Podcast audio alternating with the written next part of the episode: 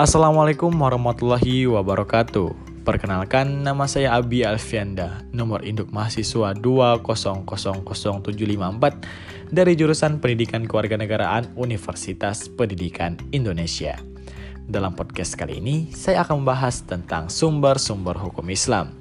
Sumber-sumber hukum Islam dibagi menjadi dua, yaitu sumber hukum Islam yang telah disepakati dan sumber hukum Islam yang masih diperdebatkan. Sumber hukum Islam yang telah disepakati ada empat, yaitu Al-Quran, Al-Hadis, Ijma, dan Kias. Mari kita bahas satu persatu. Yang pertama Al-Quran. Al-Quran adalah kalam Allah yang diwahyukan kepada Nabi Muhammad SAW. Tulisannya berbahasa Arab dengan perantara malaikat Jibril. Al-Quran juga merupakan hujah atau argumentasi kuat bagi Nabi Muhammad SAW dalam menyampaikan risalah kerasulan dan pedoman hidup bagi manusia serta hukum-hukum yang wajib dilaksanakan. Hal ini untuk mewujudkan kebahagiaan hidup di dunia dan di akhirat serta untuk mendekatkan diri kepada Allah Subhanahu wa taala.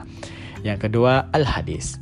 Al-hadis adalah sebagai sumber hukum yang kedua berfungsi sebagai penguat, sebagai pemberi keterangan dan membuat hukum baru yang ketentuannya tidak ada di dalam Al-Quran. Ketiga, ijma. Ijma adalah salah satu metode dalam menetapkan hukum atas segala permasalahan yang tidak didapatkan di dalam Al-Quran dan Al-Sunnah. Sumber hukum Islam ini melihat berbagai masalah yang timbul di era globalisasi dan teknologi modern. Yang keempat, kias. Kias atau analogi hukum adalah alat yang ampuh untuk mendapatkan putusan untuk masalah baru. Kias menjelaskan sesuatu yang tidak ada dalil nasnya dalam Al-Quran ataupun hadis dengan cara membandingkan sesuatu yang serupa dengan sesuatu yang hendak diketahui hukumnya tersebut. Kemudian, sumber hukum Islam yang masih diperdebatkan. Sumber hukum Islam yang masih diperdebatkan ada delapan.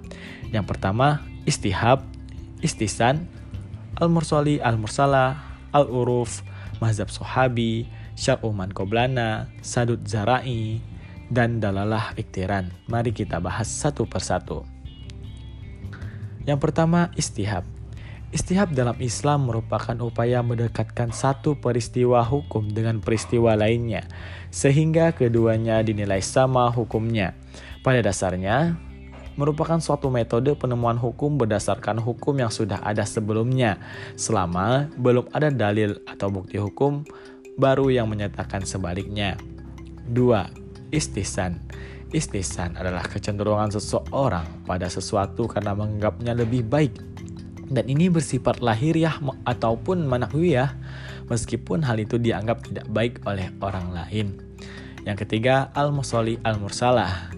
Masalih mursala adalah kemaslahatan yang selaras dengan tujuan hukum yang ditetapkan oleh syar'i.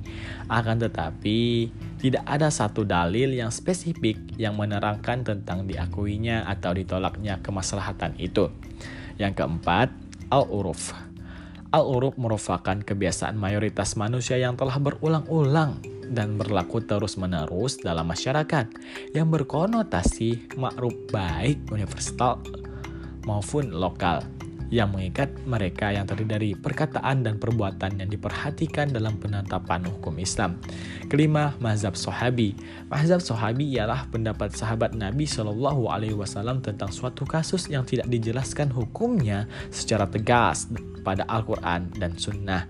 Keenam, syar'u man qoblana. Syar'u man qoblana ialah hukum-hukum yang telah disyariatkan Allah kepada umat-umat terdahulu yang diturunkan melalui para nabi dan rasul untuk disampaikan kepada seluruh masyarakat pada waktu itu. Yang ketujuh, sadud zarai. Zaraiyah artinya wasilah atau jalan yang menyampaikan kepada tujuan. Zaraiyah di sini yang dimaksud adalah jalan untuk sampai kepada perkara yang haram atau kepada perkara yang halal.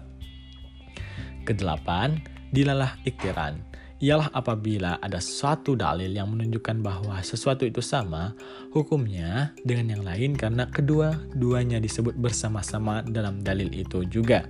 Iktiran artinya bersama-sama. Nah, teman-teman, berikut tadi penjelasan mengenai sumber-sumber hukum Islam. Semoga podcast kali ini bisa bermanfaat untuk teman-teman semuanya. Akhir kata, Assalamualaikum warahmatullahi wabarakatuh.